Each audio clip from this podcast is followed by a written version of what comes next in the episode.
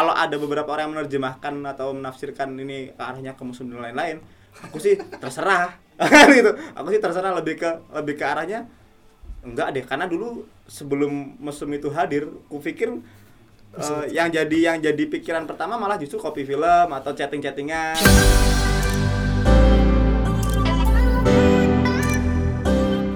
Halo, selamat berjumpa kembali sama saya Denny di program Wacana Wawancara bareng orang Beken.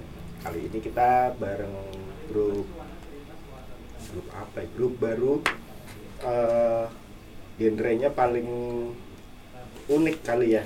Eh, nggak ada yang lain deh.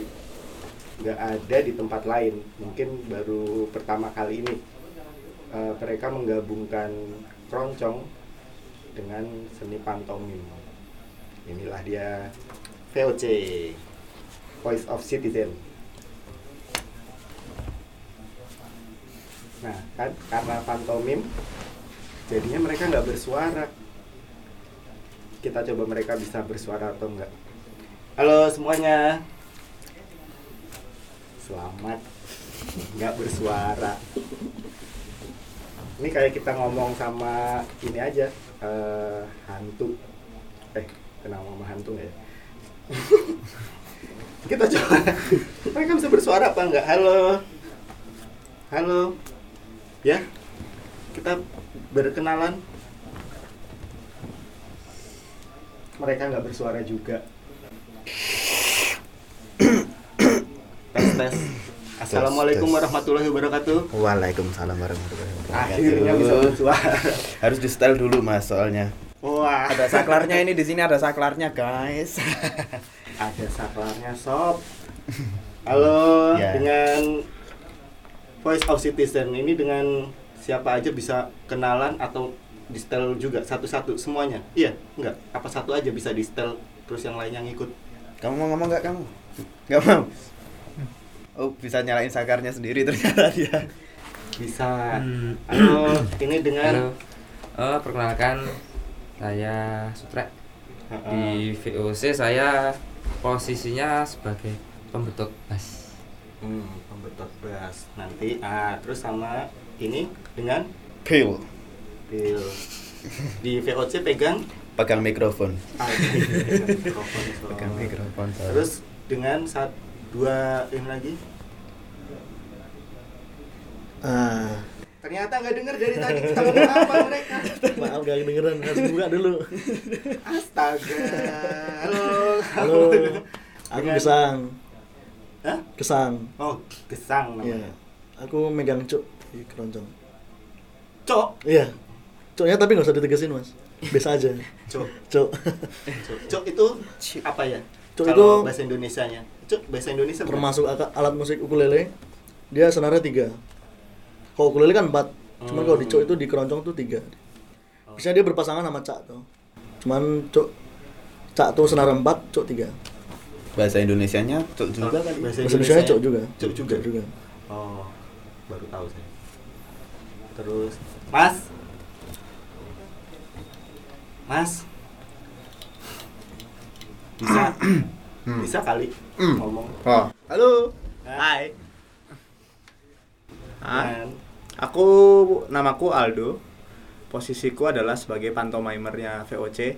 Jadi aku yang ngonsepin untuk pertunjukannya setiap manggung sama tugasku untuk memandu jalannya. Wisata.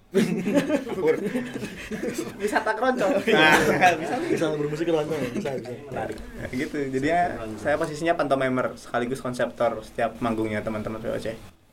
Oh, berarti setiap manggung harus selalu ada konsepnya. Konsepnya selalu berubah. Iya, Selalu konsepnya berubah. selalu berubah-ubah. Iya, jadi harus nonton emang kalau mau tahu VOC seperti Ya, apa, kalau harus mau kalau cuman mau dengerin doang, MP3 kan banyak ya. Iya. MP3 banyak, digital store juga udah sebar di mana-mana gitu kan. Canggih lah. Heeh, cuman kalau pengen lihat yang kami asli Nah, dan ada quality, asik. mau lihat Quality. kami sesungguhnya. Nah, harus live. Iya, iya. Harus live. Nah, itu dia ya, harus. Jadi kalau mau dengerin VOC kayaknya kurang asik kalau hanya didengerin lewat lewat ini ya misal streaming atau dari YouTube atau apa. Jadi emang harus nonton aslinya.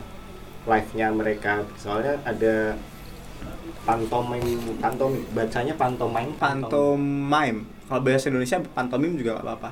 pantomim harus dilihat pantomimnya soalnya keren banget itu pasti nggak ada nggak ada di band lain baru baru band baru band ini ya yang Oh iya ya? pertama kali Iya, Bu. Oh iya, Pak. Iya, kita kita pertama ini. Kayaknya. Berarti kita pencetus dong. Wow. Wow, oke. Berarti kita tercatat sejarah. tercatat sejarah. Eh, mungkin pengetahuan musik saya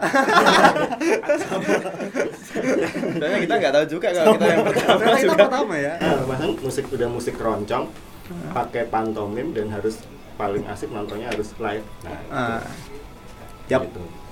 Terus kenapa VOC namanya? Lagian namanya nama barat. Musiknya keroncong. Keroncong. Keroncong Iya. juga sebenarnya musik dari luar Portugis. negeri ya, dari. Mm, dari Portugis. Portugis. Nah, itu. VOC Karena kita mempunyai mimpi. Aduh berat nih. Jadi VOC ini kan dulu datang ke Indonesia untuk berdagang dan Belanda juga menjajah Indonesia begitu. Nah kita tuh pengen Serangan balik. menyerang balik, Serangan balik. menyerang balik Counter. Belanda dan dunia internasional, terutama dunia dunia musik internasional itu kita eh, buat namanya jadi VOC, Voice of Citizen, suara rakyat. Nah, Nah dengan harapan mimpi kita adalah musik keroncong ini bisa go internasional, seperti itu. Oh. mewakili suara rakyat gitu. Iya, i- Voice of Citizens. Hmm. Gitu. Tapi keroncongnya keroncong keroncong kan ada ada aku nggak tahu sih keroncong ada banyak Hmm. banyak rootnya kah atau ininya kan ad- Patternnya. ada genre ah, atau itu Kalau- di keroncong sendiri itu kalian ada di bagian bagian mananya itu loh keroncong luas nih Nah, kalau ya? kalau aku pikir itu Mas Pil. Kita ada di garis depan. Nah, Iya. Offside kita. kalau kalau Masalah penyerangan kita main Jadi depan, kalau- kita nggak terima. kalau di depan kalau ada keroncong langgam, terus ada keroncong eksperimen, nah kita di antara yang agak naik dikit. Asik. mancat kayak kayak gimana ya itu ya? Pokok kayak progresif gitu lah. enggak apa ya Tapi kalau kan keroncong pada umumnya keroncong langgam gitu yang komplitan alat apa alat musiknya ada Iya. kontrabas, Hmm. ada seluler segala macam. Kita lebih ke keroncong yang Modern. mencoba dimodernkan lagi sih, dimodernisasi jadinya eh, banyak alat musik alat musik tambahan yang sifatnya tuh baru atau canggih. Full band lebih canggih tepatnya. atau full band lebih tepatnya. Jadi keroncong nuansa keroncong aslinya ada, cuman kita bawakan ke nuansa populer juga masuk Iya. fun fun jadi lebih ke situ jadi kita nggak main keroncong yang murni karena kita harus combine dengan pantomim tadi jadi efek-efek musiknya harus ada yang fun ada yang menyenangkan gitu kira-kira gitu harus harus ini ya tetap memodernkan keroncong ya Iya. biar ada ini ya Biar anak muda juga bisa tetap menikmati musik keroncong. Ha-ha. kan kebanyakan sekarang keroncong juga kalau di kalangan usia ya 17 sampai 25-an jarang yang ngikutin ya lagu-lagu keroncong tuh cuman ternyata kalau kita ulik lagi terus kita tambahin beberapa instrumen-instrumen full band gitu ternyata bisa lebih seru juga kan maksudnya jadi lebih baru lagi gitu Hmm. nyobanya untuk ke sana sih sebenarnya tapi ini enggak eh, tanggapan masyarakat atau mungkin masyarakat kita bagi dua deh ya Oke. Eh, milenial tanggapan milenial mungkin oh ini musik baru Hmm. nih M- m- Hmm. mungkin mereka baru denger hmm. musik apaan nih mungkin begitu ya Hmm. kalau yang dari penggemar-penggemar keroncong yang mungkin udah agak sepuh-sepuh gitu Hmm. kalau kontroversi Nah, ini ini lumayan berkontroversi juga ya. Ah. Soalnya kalau di milenial itu, apalagi anak-anak zaman sekarang itu, kebanyakan mereka menerima. Maksudnya mereka bisa mengikuti karena eh, kita membawakan keroncong pantomim ini eh, lebih mengikuti perkembangan zaman, perkembangan zaman. Jadi kita nggak melulu keroncong apa ya keroncong langgam, cuma jadi yang hanya bisa dinikmati oleh segelintir orang-orang istilahnya zaman dulu gitu. ya Ya, jadi anak muda sekarang lebih senang karena kami membawakannya dengan fun, dengan pantomime. Jadi kan orang penasaran, wah ini apa nih keren keroncong tapi kok keroncongnya beda gitu kan. Jadi penasaran kan. Setelah mereka menikmati, akhirnya wah ini keren nih. Nah tanggapan dari anak muda seperti itu kalau dari yang istilahnya dari yang orang keroncong sesepuhnya itu sedikit ada kontroversi juga ya. Karena mereka beranggapan bahwa kenapa nih keroncong dibikin kayak gini? gitu. Karena kan emang keroncong itu emang patternnya emang ada pakemnya sendiri pakemnya sih. ada udah bukan ketat ya kayak Pakem di Sleman mah. tolong tolong. Oh iya iya iya. iya. pattern pattern. Mbok tolong. Jadi lupa. Banyak kan udah ditulis tadi. Hilang hilang. Ya, jadi- nggak ikut briefing kok? Kalau keroncongan kan patternnya kan eh, lebih ke ini sih yang menonjol. Itu kan sebenarnya ada Iya. tiga tiga instrumen yang paling menonjol di Eh, apa aja tuh? Cak cuk sama selo selo selo iya. tapi selo keroncong bukan Nah. selo yang gesek selo itu kalau di keroncong sebagai ini sih sesuai kendang hmm, perkusi pengganti perkusi oh oh beda ya soalnya pada zaman dulu kan emang keroncong Zamanmu ya itu Mas ya. Jangan old school, anggap aja gitu lah. itu kan pakai kendang. Iya, Harusnya iya, pakai iya. kendang, akhirnya di combine pakai alat yang lebih mungkin ya itu tadi udah dari luar negeri kan ininya selo terus dimainin pakai ya dicapik-capik dipukul-pukul gitu. Slap, Tapi slap, itu malah jadi suatu ciri khas nada tersendiri di musik keroncong lah. Itu tadi menjadi bagian terpenting di keroncong sebenarnya. Cuman kita nggak pengen terpaku pada pattern patternnya keroncong yang asli. Karena itu tadi kita mengejar ke apa ya? kalangan kalangan milenial sih. oh berinovasi Ya biar bisa pada joget. karena di keroncong sendiri itu kan ada aturan-aturan yang emang dalam pembuatan repertoar atau lagunya itu tidak bisa di apa nggak bisa diganggu gugat gitu loh mas oh jadi emang udah udah iya jadi misalnya kita mau bikin lagu ya? ini ada aturannya kayak modulasinya seperti ini terus uh, depannya seperti apa intronya seperti apa first spellnya gitu jadi emang udah ada aturannya nah di, di kita kita Freestyle. ti- freestyle jadi Karena kita garis indah depan. ya, karena kita garis depan itu jadi kita tidak menggunakan pattern-pattern yang sudah tadi Mas Sutre jelaskan oh berarti langsung tabrak tabrak tabrak sikat aja. Dicoba soalnya. Perubahan tuh harus dicoba. Tapi aku pernah nonton live nya mereka emang emang keren banget. Jadi mereka berinteraksi sama Ah, gimana mas? Gimana mas? Kenapa tadi? Live nya kita kenapa tadi? Live nya mereka. Ah, gimana gimana? Eh pengen tahu. Keren banget Oh, sebenarnya. oh, gitu. Tapi mereka kalian harus benar. Kalian- saya harus penonton ya penonton harus kan kalian penonton harus eh penonton diajak. Biasanya Berinteraksi. berinteraksi sama sama mereka. Jadi sama vokalnya nari-nari di depan gitu. seperti itu. Terus ini eh yang single kalian udah berapa single keluar ini berarti? Sama yang ini. Eh, sebenarnya kalau dari singlenya kita itu udah ada tiga ini single terbaru Putri Kayangan ini single yang ketiga nah tapi si single per- eh, Putri Kayangan ini dari single perdananya kita di dalam rangka label. bekerja sama dengan CD Records Oh, jadi mereka sebenarnya udah mereka udah masuk ke mayor ya? Mayor mayor label. Karena sebelumnya mereka dari indie, Indie indie. indie. kita nggak disponsori kok kamu nyebut-nyebut Indiana Jones nanti di gitu ya. disensor nggak apa-apa. Nah, eh, kalian udah masuk mayor, udah berhasil masuk di mayor label yang sebelumnya indie. Ada perubahan nggak dari single pertama, single kedua? Single pertama dulu apa? single pertama itu senja Senja dalam dalam lamunan Di dalam lamunan sampai yang yang kedua itu. terbaru. Ah, yang terbaru. single mereka yang terbaru judulnya Putri Kayangan udah ada di YouTube. Keren. Harus ditonton. Nanti nonton live nya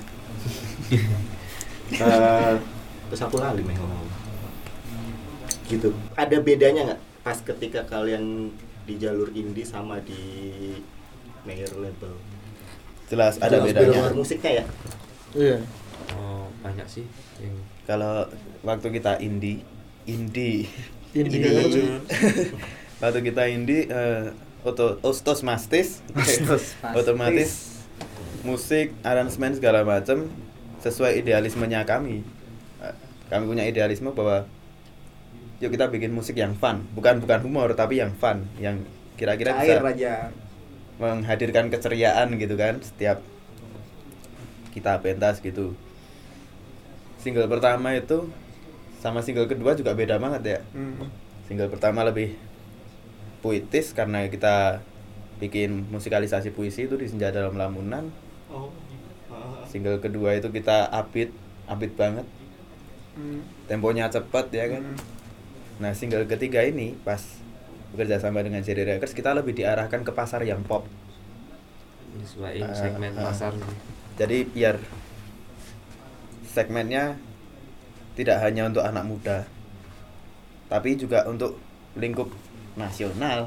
Harapannya seperti itu. Iya. Jadi semua umur maksudnya sebenarnya kalau untuk karya kita tetap all out walaupun indie entah label sebenarnya tetap all out aja bikin tetap tetap terus inovasi terus bikinnya. Cuman kalau bisa masalah pe- bedanya di mana sebenarnya bisa dicek sendiri. Maksudnya dari komposisi kemudian apa yang kita tata itu segala macamnya udah di- diatur ulang sebenarnya yang bikin lebih lucu adalah kalau kita kemarin itu India agak kesusahan itu. Beberapa apa namanya? Beberapa usaha. Agak kesusahan. Nah ini kita ada Sulit, sulit. karena kita kerjasama sama JD Record.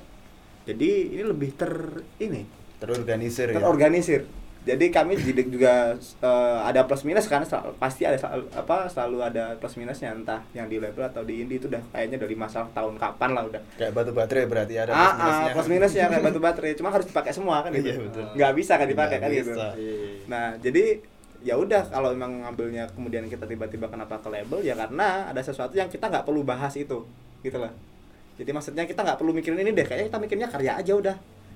Ya ini pikirnya orang lain nah gitu tuh arahnya lebih ke situ sebenarnya Tapi kan kalau di mayor berarti kalian di kan tadi bilang diarahin. Hmm. Berarti kan ada ada sekat-sekatnya dong. Nggak nggak kayak dulu. Wah, aku pengen begini, pengen begini, pengen begini. Ya, sekarang pengen begini. Berarti ada yang nggak boleh, ada yang do and dance-nya itu di- tadi lebih ini dong. itu tadi yang aku maksud tentang plus minus kemudian kan kalau eh, label kan pasti punya apa punya aturan main sendiri ada rule yang harus dipatuhi bahwa mungkin dari konten dan segala macam lirik juga harus eh, pas. Maksudnya pas dalam artian eh, mungkin ada kalau di indie kan kita bisa sangat bebas gitu. mau bicara apa mau ngomongin dengan kata atau bahasa seperti apa itu sangat bebas. Cuman kalau di eh, label nah label yang kemudian kita ikutin ini atau kita kerjasama ini dia punya rule juga yang kita nggak bisa bantah itu gitu. Kita nggak bisa lawan itu dong. Masa kita tiba-tiba masuk terus oh nggak bisa pak. Kita maunya begini aja. Lagunya pokoknya saklek begini nggak bisa dong. Karena kan dia juga punya aturan mainnya kita punya aturan main kita jadi kita kolaps aja. Jadi oke ditahan nggak apa ya katakanlah inilah pasti mereka juga lebih paham kan untuk kenapa itu dipindahin kenapa nggak boleh atau kenapa nggak apa istilahnya kayak sensor gitu loh. Oh. kayak lagu di lagu kami yang di yang apa eh, single kedua kan seni kok dibatasi itu kan bener-bener apa ngomongin tentang kesenimanan dan segala macam yang bisa Iya, memicu iya. kontroversi lebih besar. Iya, iya. Nah, kupikir karena adanya label, label membantu untuk meminimalisir itu. Oke. Nah, jadi di sana maksudnya arahnya ke sana sebenarnya. filter ya. Filter. Cuman kalau persoalan karya dan di push sebenarnya nggak ada. Ada Cuman nggak ada. ada. Cuman orang sama aja kok kayak kita, Pak ini lagunya udah beres nih, Pak. Terus dia gimana? Oh ini kurangin deh. Kenapa Pak? Oh ini kurang enak nih. Apanya kurang enak? Oh yaudah, ntar take ulang. Nah cuman gitu-gitu doang sebenarnya. Hmm. Bukan persoalan yang karyanya harus gimana gimana. Karena kan tetap karya punya punya pengkarya dong. Iya. Iya, betul, betul, betul, betul. Terus eh, kan berarti kalian kebagi dua nih. Eh, bisa dibilang dibagi dua satu pantoman, satu Hmm. bermusik, satu di musik ya. Eh, Aldo sebagai pantoman di musik itu ada kontribusinya atau enggak? Apa nulis lirik kah atau Eh, hanya sebatas cuman mengkonsep dan performer di Kalau- live-nya aja? untuk karya setiap lagu gitu ya sebenarnya kan kita udah punya tanggung jawab untuk komitmen sama-sama bahwa satu player harus bikin lagu. Oh, satu player harus bikin lagu. Terlepas itu aku emang suka bikin lagu. Hmm, So, aku semua suka bikin lagu aku suka nulis nulis kadang sama gesang kadang sama spill untuk curhat curhatan gitu kan. Masa sih Wah, ini curhat, curhat ini ya. Surat hati ke hati. Melebar nanti ini melebar ini. nah kan panjang kan Panjang oh intinya gitu ya itu gitu ya oh gitu ya. Pokoknya- Kapan kamu surat sama aku nggak pernah Masalah apa emang Mas? ini karena ini kita bubar loh Jadi karena curhat-curhatan mereka bisa bubar. nah itulah iya nggak? jangan lah ya mas Enggak tahu. jangan dulu ya Janganlah. Nah, pokoknya kalau aku bikin lagu ada sih kemarin eh, waktu di Jakarta tahun lalu ya. Tahun lalu tuh waktu acara Asian Games karena kan ada kesempatan untuk main ke sana Oh iya. Hmm, waktu Ah, itu. sudah, nanti kita bahas Ah, ini. waktu itu aku sama teman-teman kepikiran untuk ah kita harus bikin lagu yang tematiknya eh, Nasionalis. bernuansa nasionalis dan punya apa energik lebih energik lagi daripada lagu-lagu sebelumnya kalau Hmm. dalam lamunan dia lebih terkesan mellow lebih terkesan sad gitu sedih. Kemudian seni kok dibatasi lebih terkesan ke funny upbeat gitu tadi yang dibilang sama Mas Pil. Kalau yang di Putri Kayangan terkesan jatuh cinta sekali kan? Efeknya kayak eh, percintaan banget. Nah yang waktu itu sempat aku mikirnya kita harus bikin yang kayak band-band yang suka ngomongin Indonesia gitu apa gitu. Kita bikin lagu kayak begitu gitu. Akhirnya aku bikin lah beberapa syair atau lirik itu tadi yang aku lemparin ke anak-anak. Ini gimana nih ACC nggak kalau ACC digarap aja aku sakit padahal gitu kan. Dilempar soalnya. Aku kok nyesel ya? Nggak tahu aku kok nyesel ya? Serius 100% oh iya iya iya iya. maaf maaf maaf. Nah kurang-kurangi lah mas. Iya iya iya. nah nah itu waktu itu judulnya judulnya tuh bersiaplah Garuda. Judulnya ada aku bikin kalau aku sendiri bikin lagunya judulnya bersiaplah Garuda yang kami emang siapin untuk lagu itu dibawain di Asian Games karena kami mikirnya harus energik. Kalau aku sih itu. Tadi tuh aku sempat sebelum masuk ke ruangan ini bikin lagu. Rencananya dirilis gak kira-kira itu? Dirilis tapi nggak tahu kapan. oh iya santai dulu ya. Oh iya. Benar, dari tadi mereka udah menunggu dari jam dari siang kita udah satu dua jaman. Iya dua jaman kita. Dua, dua jam dua jam setengah. Dua jaman. Dua zaman. main gitar cuman cuman cuman ternyata jadi lagu. Tinggal nggak tahu liriknya atau apa. Eh, liriknya mungkin belum. Tapi Belum. nggak tahu mereka udah punya stok lirik atau enggak gitu. Oh ya yang yang pas tahun kemarin ya yang kalian main Tahun di kemarin. SEA Games itu. Asian Games. Asian Games. oh Asian Games maaf. Asian Games. Hmm. sambutannya bagus banget sama di Jakartanya orang-orang katanya pada ikut-ikutan nari dan kalian ini ya apa eh, sampai perform dua kali. Dua apa? kali. dua kali ya? Dua Itu kali. ceritain dong gimana gimana awalnya dari bisa main di Asian Games? Itu kayaknya mereka keceplosan sih Mimpi kita deh, keceplosan aja. FOC ya. Main. Bersin itu bersin. Dianya siapa? Kalau ini mak kamu aja ya? Waktu itu gimana sih ceritanya? Lupa. Pokok ingatku ingatku sih. Kalau ingatku kan kita eh, ada undangan main. Oh, mau nggak band Jogja nih main di sana? Caranya di Asian Games. Kalau yang resminya Asian Fest itu kan ada yang di luar Gelora Bung Karno kan ya? Yang pertama kan nah yang itu pertama itu itu seingatku. Oh ke sana kita? Oh iya.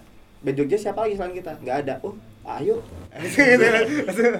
nggak nggak ada. Oh iya oke. Gitu berangkat. Tep, eh, di sana kan kami kan satu-satunya band yang dari Jogja main di acara itu. Sebenarnya sebenarnya kalau dibandingkan dengan opening ceremony atau closing ceremony ya jauh jauh nggak nggak semegah itu juga kondisinya karena kita di panggung-panggung hiburan per hari harinya iya kan ada ada Ah, ah, ada panggungnya ada ya. panggung-panggung yang dia emang disediain untuk nge- ngehibur tamu-tamu luar negeri itu kan Ah. tamu-tamu se Asia itu untuk ada perform-perform segala macam nah waktu itu sebenarnya eh, kita agak minder awalnya Hah? Kenapa? awalnya agak minder karena satu kita band baru dilihatnya sebagai band baru kedua kok aneh karena Iya, kita iya, ah, karena iya. kita gabungin keroncong dan pantomim.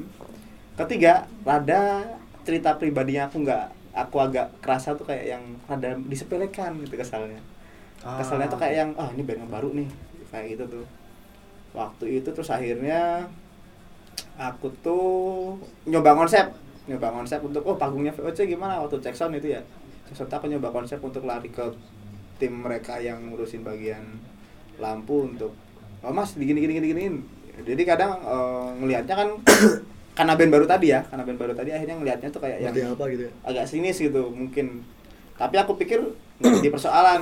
Oh ya udahlah pokoknya besok all out aja waktu main aku bilang. Itu pas pas perform pertama? Atau ya yang pas perform pertama. Nah, itu aku mikirnya gitu aja habis itu sama anak-anak langsung udah pokoknya eh, lampu segala macam udah aku set aku apa maksudnya bukan aku yang set sih maksudnya udah aku arahin untuk minta request segala macam. Beres tinggal main besok tinggal out aja. Udah, habis itu main dan ternyata karena kita lah bawain lagu beberapa orang yang cukup lumayan populer ya bawain lagu yang cukup populer cuman kita aransemen ulang karena dia keroncong kan kita kan. Karena kita keroncong kita aransemen ulang jadilah Weh, gak boleh ngomong Aduh. Nanti tolong disensor ya. Kalau itu tadi Kita tuh suka keceplosan. Produk ke tempat kita nggak apa-apa. Nah, jadilah satu koko kron Sereal. Wah, itulah jadi itulah. Nah, itu jadi gitu. Eh, kita jadi musik yang ternyata orang-orang dari luar negeri itu sempat tertarik juga sama kita untuk pengen nonton lebih dekat, pengen nyapa kita juga. Kita bawain lagu-lagu bahasa Inggris juga yang kita aransemen ulang. Kami main pantomim juga di panggungnya. Aku turun ke dari panggung aku turun ke jalan-jalan untuk eh, ngumpulin orang-orang dan mereka mau ikut ikut joget juga. Dan ternyata diterima gitu. Nah, dan akhirnya ternyata diterima musiknya walaupun awalnya sempat dikira kita ini band yang mungkin Ecek-ecek gitu ecek-ecek ya. gitu, Nah. band ah band sepele nih. Ternyata lumayan juga sambutannya teman-teman yang ada di sana. Teman-teman kayak kenal. Pokoknya orang yang di sana juga terhibur juga sih. Kalau yang keduanya sih. Gimana? Yang kedua ya hampir sama juga sambutannya. Lebih lebih ini apa heboh atau? Kalau lebih hebohnya lebih heboh yang malam pertama. Karena yang kedua siang? siang. ya So hot baby. Terlalu- Iya. Uh, Ah. untuk make up lu Nah, itu dia permasalahannya di make up. Karena siang-siang otomatis kan keringetan. Heeh. Ya sebagian harus siap-siap make up ulang tuh. Jadi jadi apa ya? Kan kita waktu yang panggung kedua kan kita eh, menyambut kedatangan siapa itu itu? Bapak Bapak siapa ya? Bapaknya. pokoknya itu kayak wali kota gitu bukan sih pokoknya Bapak semacam orang Jenderal. petinggi yang ya acara seremonial lah Oh. pembukaan pidato atau apa itu nah kita nyambut itu dan itu di bener-bener panas siang-siang itu langsung matahari gini kan otomatis ini dan kita pun juga pakai kostum waktu itu pakai apa itu kita pakai kostum surjan ya surjan. karena kita menonjolkan Jawa Oh. kita pakai surjan lurik-lurik gitu. Ah, ah, ah. Wah. Panas nah itu ya itu tadi kendalanya luntur, luntur di bakarnya. make up karena panas Berarti emang nggak boleh kena pan itu make up make up pada ini ya kalau kena panas luntur kena air kena air luntur luntur. gitu ya? Jadi Nah, soalnya bahannya air. Jadi dia kalau kena apa maksudnya bahannya tuh bukan yang minyak. Kalau minyak kan dia bisa nempel banget, Hmm. ngerat gitu ke muka. Cuma karena ini bahannya air, jadi kalau sama-sama kena air dia luntur, kena panas dia juga luntur. Oh, tapi selain di SEA Games, Asian Games, pernah nggak kalian pas lagi perform atau luntur gitu? Oh sering, Sering, sering, biasa. sering banget. Itu Kadang udah masuk mata, tek. Iya. Oh, cuman ya gimana kan? Emang kita milih ini kan gitu. Tapi kalau anak-anak jarang sih, yang lari-lari tuh aku doang. Terus standby di tempat. Iya. Anak-anak tuh jarang. Iya, kan pada diem itu ya. ya paling cuman kalau yang pura-pura nggak bukan, kenal. gitu. bukan diem jadi kita mobile gerakannya nggak terlalu nggak se- terlalu atrak- fleksibel dia, atraktif iya. banget ya. kita yang yang sebagai player kan kita nggak bisa berpantomim gerakan-gerakannya kita pasang mimik muka ya kalau lagu-lagu sedih ya kita berekspresi sedih kayak gimana contohnya mas Ya. contohnya Itu lubang hidungnya dikondisikan. Gede banget. Betulnya pakai jempol kaki. Oke, oke, oke. Tapi habis dari Asian Games itu pasti terus orang banyak yang nyari dong ini ya. Iya, Itu alhamdulillah. eh, berbanding lurus dengan tawaran manggung kah? Atau tetap kalian batasin kah atau ada kesibukan lain atau gimana?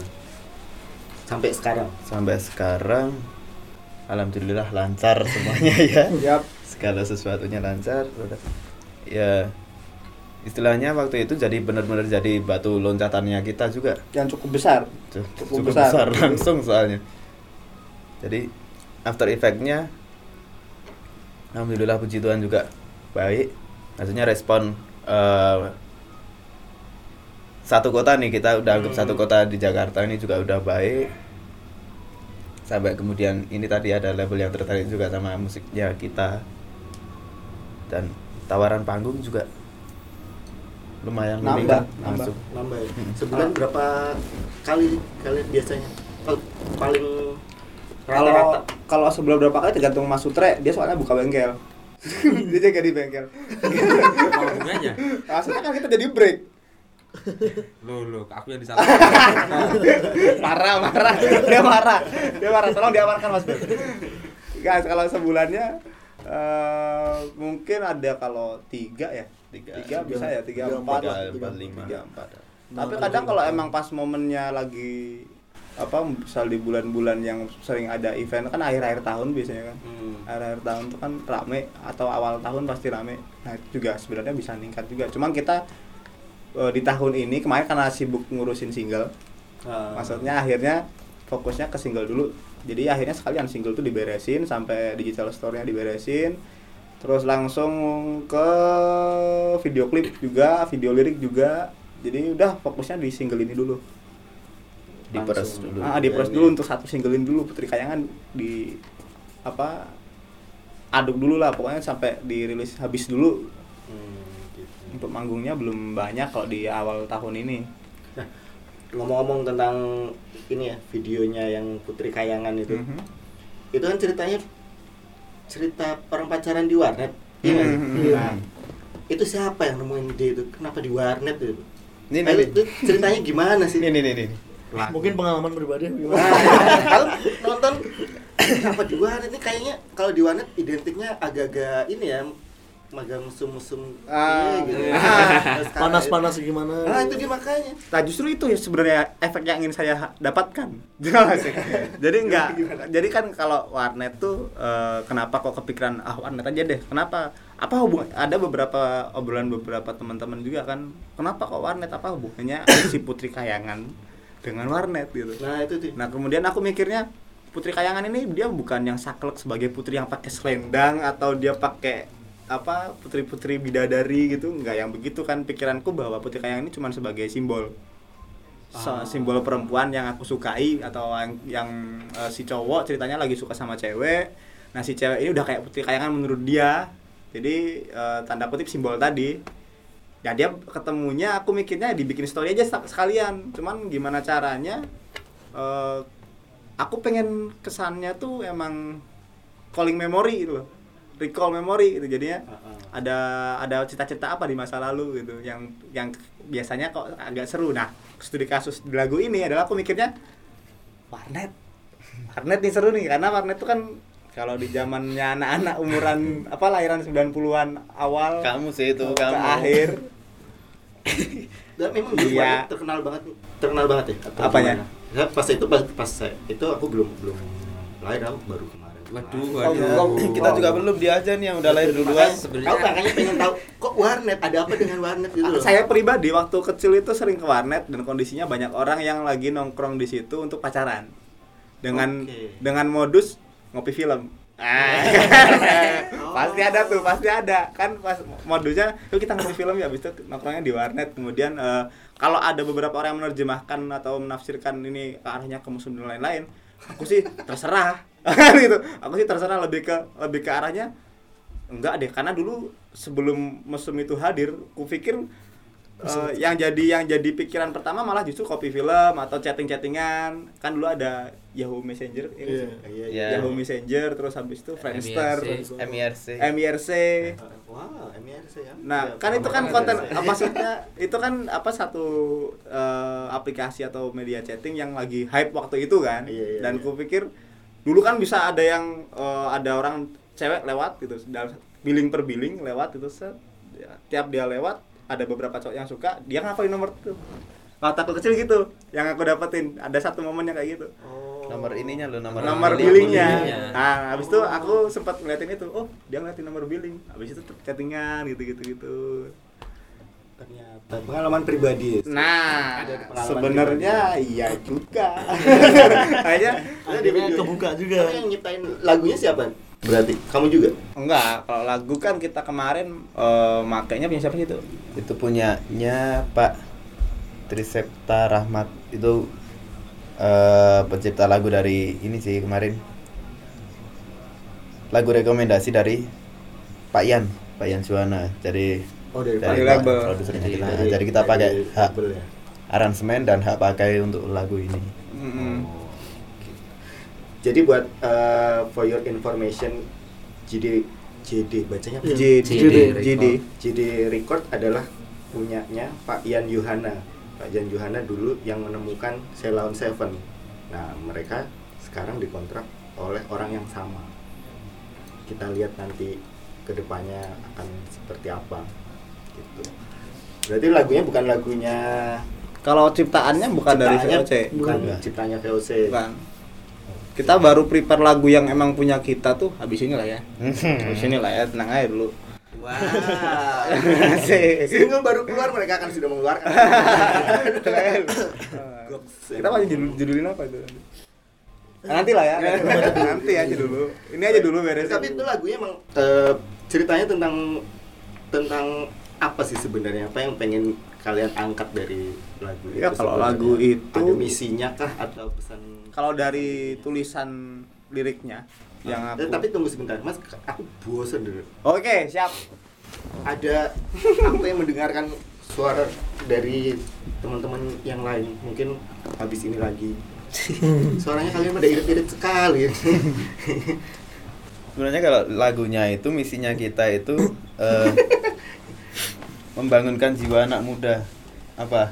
nggak apa-apa lanjut lebih tepatnya memotivasi lah Iya. ya memotivasi anak-anak Istilahnya muda yang mm, canggung untuk mengungkapkan perasaannya sama pujaan hati jadi gimana ya kan banyak kan orang-orang yang maksudnya dia menyukai seorang wanita namun dia takut untuk mengungkapkannya banyak ya banyak sih kendala-kendala apa aja yang buat mereka takut untuk mengungkapkan makanya lewat lagu ini kita ya tujuannya buat itu sih bukan bikin ini buat jatuh cinta, jangan jatuh itu sakit soalnya asik. Eh, kalau dari kalian harusnya punya interpretasi sendiri-sendiri tentang lagu itu. Kalau dari itu, saya nanti tak tanya satu-satu nanti. kalau dari saya tuh jadi ya sama sih rata umumnya jadi kayak kita tuh oh aduh ini putri kayangan pujaan hati kita gitu. Kan kita kayak penasaran dari video mereka kan udah kelihatan kan oh ini siapa nih cewek lewat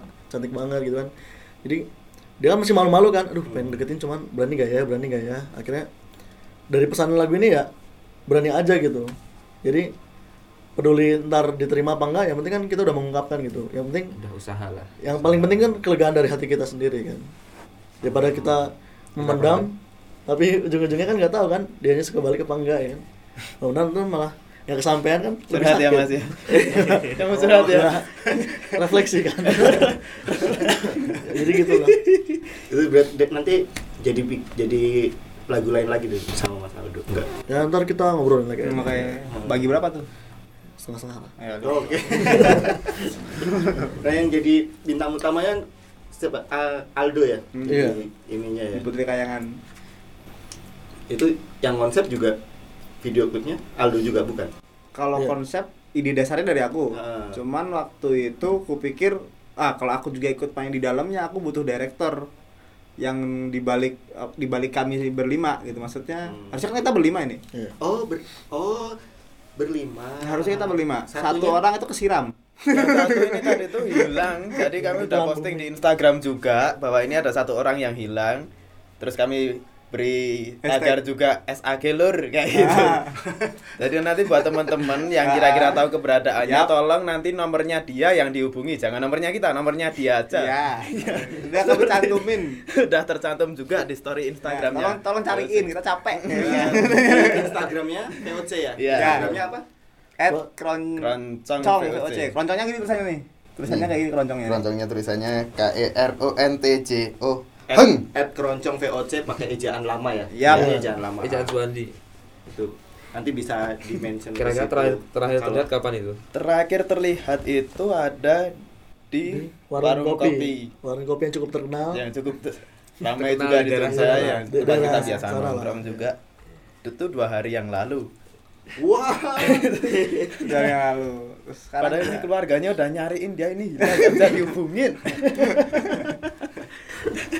Tapi sebenarnya VOC sendiri aslinya berlima kah? berlima Berlima. kalau kita VOC sendiri lima orang sebenarnya lima orang Yang yang, intinya. Ya, intinya Iya. lima orang cuman kadang kita kalau emang perform mau yang lebih rame lagi kita butuh additional jadi kita tambahin drum drum keyboard. keyboard sama ketipung kendang. Kadang Ketipu juga pakai Ketipu biola. ya karena pakai biola juga. Vokal nggak? vokal. Sebenarnya kalau vokal sih kan vokal utama. Ntar yang ya apa? Kamu jangan bikin-bikin loh. Nah terus marah-marah. Dipecat lu nanti kamu ngomong kayak gitu. yang pegang yang pegang instrumen yang lainnya kayak aku sama Gesang ini ntar kita yang pecah suara jadi backing vokal. backing vokal pecah suara ntar suara satu suara dua gitu. Hmm. jadi atau suara gelas juga ya ya kita, yang eh, bisa walaupun- pecah kan? Walaupun oh, player instrumen tapi kita juga mempelajari vokal juga sih dikit-dikit. Oh. soalnya biar biar lebih asik lebih rame gitu lah suasana lagunya. Soalnya kalau vokal cuma nggak ada nggak ada backingnya kan kesannya kayak gimana ya kurang kurang rame gitu akhirnya kita ini kita ya lu, lu- kita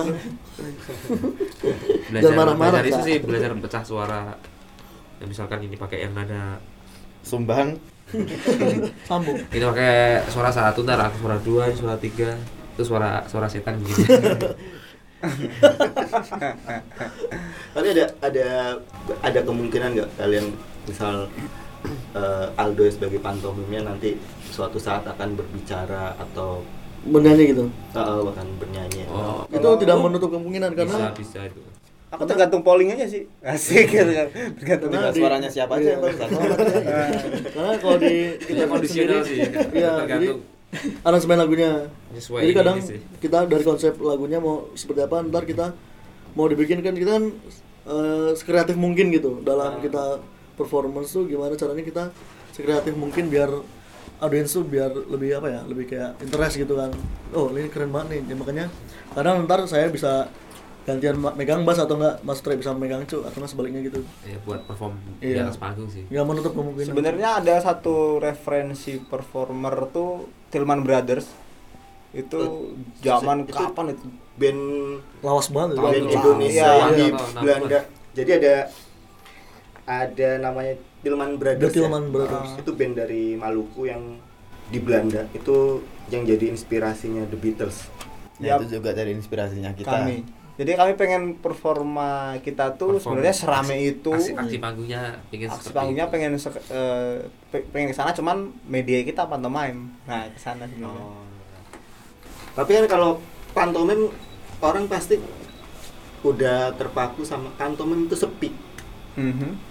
Ya? Itu juga Nah, itu jadi bahasan menarik eh, itu Hmm. gimana biar orang tertarik pantomim oh apaan sih gerakan biasanya orang seperti itu. Hmm. Itu gimana ngakalinya kalian? Nah, kalinya sebenarnya ini aku kan berarti kan ya, pantomim. Iya. Nah, kalau sikat aja lah udah udah aku udah muak, tahu. udah muak dengan semua ini aku harus jawab. Enggak, jadi jadi eh, kalau pantomim sendiri kan sebenarnya kalau tadi kita sempat bahas tentang keroncong punya kontroversinya dengan beberapa keroncong tua atau Oh. keroncong yang lebih dulu. Pantomim juga sama. Oh, Pantomim juga sama kontroversinya dengan eh, kasus keroncong itu. Maksudnya eh, banyak seniman-seniman pantomim yang di Jogja atau yang di luar Jogja bahkan sempat ngasih koreksi ke aku bahwa bandmu ini udah rusak ininya, rusak citra sebenarnya, rusak pakemnya. Kenapa pantomim bisa tiba-tiba bicara atau dia malah bernyanyi? Iya, iya. Nah, itu kan sebenarnya udah men- apa sudah keluar dari jalur pantomimnya kan. Nah, maka dari itu akhirnya eh, posisi pantomimer itu aku sendiri itu harus ada. Jadi sembari pil nyanyi dengan make up pantomime harus ada mime yang aslinya untuk menerjemahkan eh, lagu yang kita bawain satu untuk kebutuhannya buat itu. Yang kedua memang eh, rada susah-susah gampang gitu kan untuk eh, gimana cara ngatasinya ya? Kalau emang ada orang yang nanya tentang pantomim sendiri eh, kok kayak udah diri dirusak gitu aja? Atau oh ini asal nih anak-anak anak-anak kapan nih tiba-tiba baru bikin beginian? Justru menurutku pantomim hari ini di Jogja atau di Indonesia peminatnya banyak ruangnya habis. Eh, habisnya gimana tuh? Maksudnya maksudku habis. maksudku ruang ruang kreatifnya tidak banyak lagi. Peminatnya banyak sebenarnya Gitu. yang pengen pan- berpantomim dan susah untuk eh, mengekspos dirinya atau kelompok pantomim itu untuk lebih luas lebih susah jadi kupikir dengan adanya pantomim dimasukkan ke dalam format band Ah. ini akan cukup membantu untuk bahwa pantomim di Indonesia atau di Jogja sendiri sebenarnya udah gede beberapa maestro yang pantomim kan juga di di Jogja Pak ada Iya. Pak Jimai Supardi, Iya, iya. Pak Jimai Supardi ada Mas Asita terus kemudian ada Mas Reza dan lain-lain yang bergerak di wilayah pantomime bahkan kelompok-kelompok seperti rumah pantomim Yogyakarta juga udah ada di Jogja itu Oh.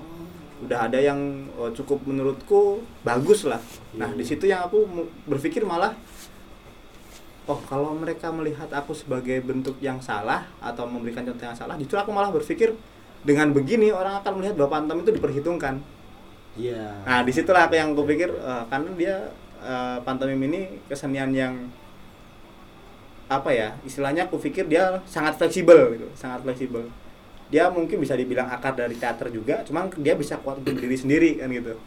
Kuat untuk berdiri sendiri. Jadi ya lebih fleksibel. Jadi aku pikir orang-orang yang bilang bahwa oh ini salah nih ini rusak nih segala macam. Kupikir karena kita emang sekalian mau ini kan mau eksperimen dan mau lebih apa lebih ada inovasi lagi ya aku pikir nggak masalah dengan itu. Selagi aku sendiri sebagai pantomimer aku tetap main berpantomim yang asli Oh. tinggal gitu aja kalau aku sebagai pantomimer ya aku akan berpantomim sendiri kalau aku dengan VOC ya kita dengan format ini Oh. gitu aja sih kalau aku nyikapinnya dengan seperti itu Oke. Tapi emang ini ya, kalian yang tapi pas awal-awal dulu belum ada kan yang pantomim si Aldonya ini apa dari awal enggak ya? Aldo ini pantomimer kedua. Jadi dulu yang awal sempat ada bukan Aldo tapi. Oh. Tapi tetap emang pantomimnya udah dari dulu. Dari Karena dulu. kita emang pengen ngangkat lagi selain keroncong juga pantomim. Ya itu tadi karena apa ya? Di Jogja sendiri pemin- peminat keroncong banyak, peminat pantomim banyak, cuma wadahnya kan yang belum. ya Jadi kita Susah apa sih yang bisa Oh, kita iya. explore nih apa yang bisa kita eksplorasi dari keroncong dan pantomim ini apa ya kemasannya mau dibikin seperti apa Bukan seperti itu. Hmm. Tapi eh, reaksi pantomimer tua ya. ya, Ya, yang udah sesepuh. udah sesepuh pantomimnya itu ya akhirnya kalau hari ini melihat kita ya nggak ada masalah masih Ah. fine fine aja bahwa oh ya udah silakan itu emang karyamu itu inovasimu tinggal nanti kalau memang kamu sudah berpantomim sendiri atau memang tajuknya emang cuma pantomim doang ya lakukan dengan baik juga Hmm. maksudnya istilah kalau orang Jawa tuh ya sembodo gitu iya. sembodo ya tetap mau apa tetap mau jalan dengan jalan yang benar gitu ya kayak gitu gitu kalau yang marah terus wah mau apa enggak juga udah nggak ada Udah nggak ada. Tapi dulu per, sempat ada. sempat yang saya kan saya sendiri kan eh, lahir di kalangan pantomimer di Jogja udah cukup dari tahun 2012 nongkrong sama teman-teman komunitas pantomim. Terus kemudian mereka beberapa kritik mm, tentang itu tadi pakem pantomim bicara pantomim kok ngomong pantomim kok nyanyi. Terus eh, malah jadi banyakkan jadi pemandu dan segala macem bukan bukan pantomim full. Nah Oh. akhirnya kita mikirnya ya udah kita bikinin tiga ruang sekalian aja kita bikin tiga ruang sekalian kalau live ya emang kondisinya rame banget kita akan joget-joget aja. Kalau kemudian kita mau apa ruang yang penontonnya lebih banyak duduk lebih banyak eh, tidak bergerak gitu ya kita bikin performer performing pantomim sendiri. Jadi kalau yang satunya lagi kalau emang pengennya di combine combine. Nah sih kalahnya lebih ke situ. Oke, tapi oke sih bagus guys. Eh, menarik tapi menarik bakal ini kali ya ke depannya. Hmm. banyak yang nyari juga seperti itu. amin. Amin. Kalau itu amin. Gitu. Oke, tadi ngobrol-ngobrol sama POC-nya kayaknya mungkin agak kurang dalam mungkin tapi mereka kan baru tiga dua tiga. Karya mereka bakal akan lebih panjang ke depannya. Dan perform mereka juga akan lebih keren lagi ke depannya. Mungkin konsepnya bakal lebih oke banget ke depannya. Kita tunggu aja. Dan sekarang ini dia single POC paling baru Putri Kayangan. Check it out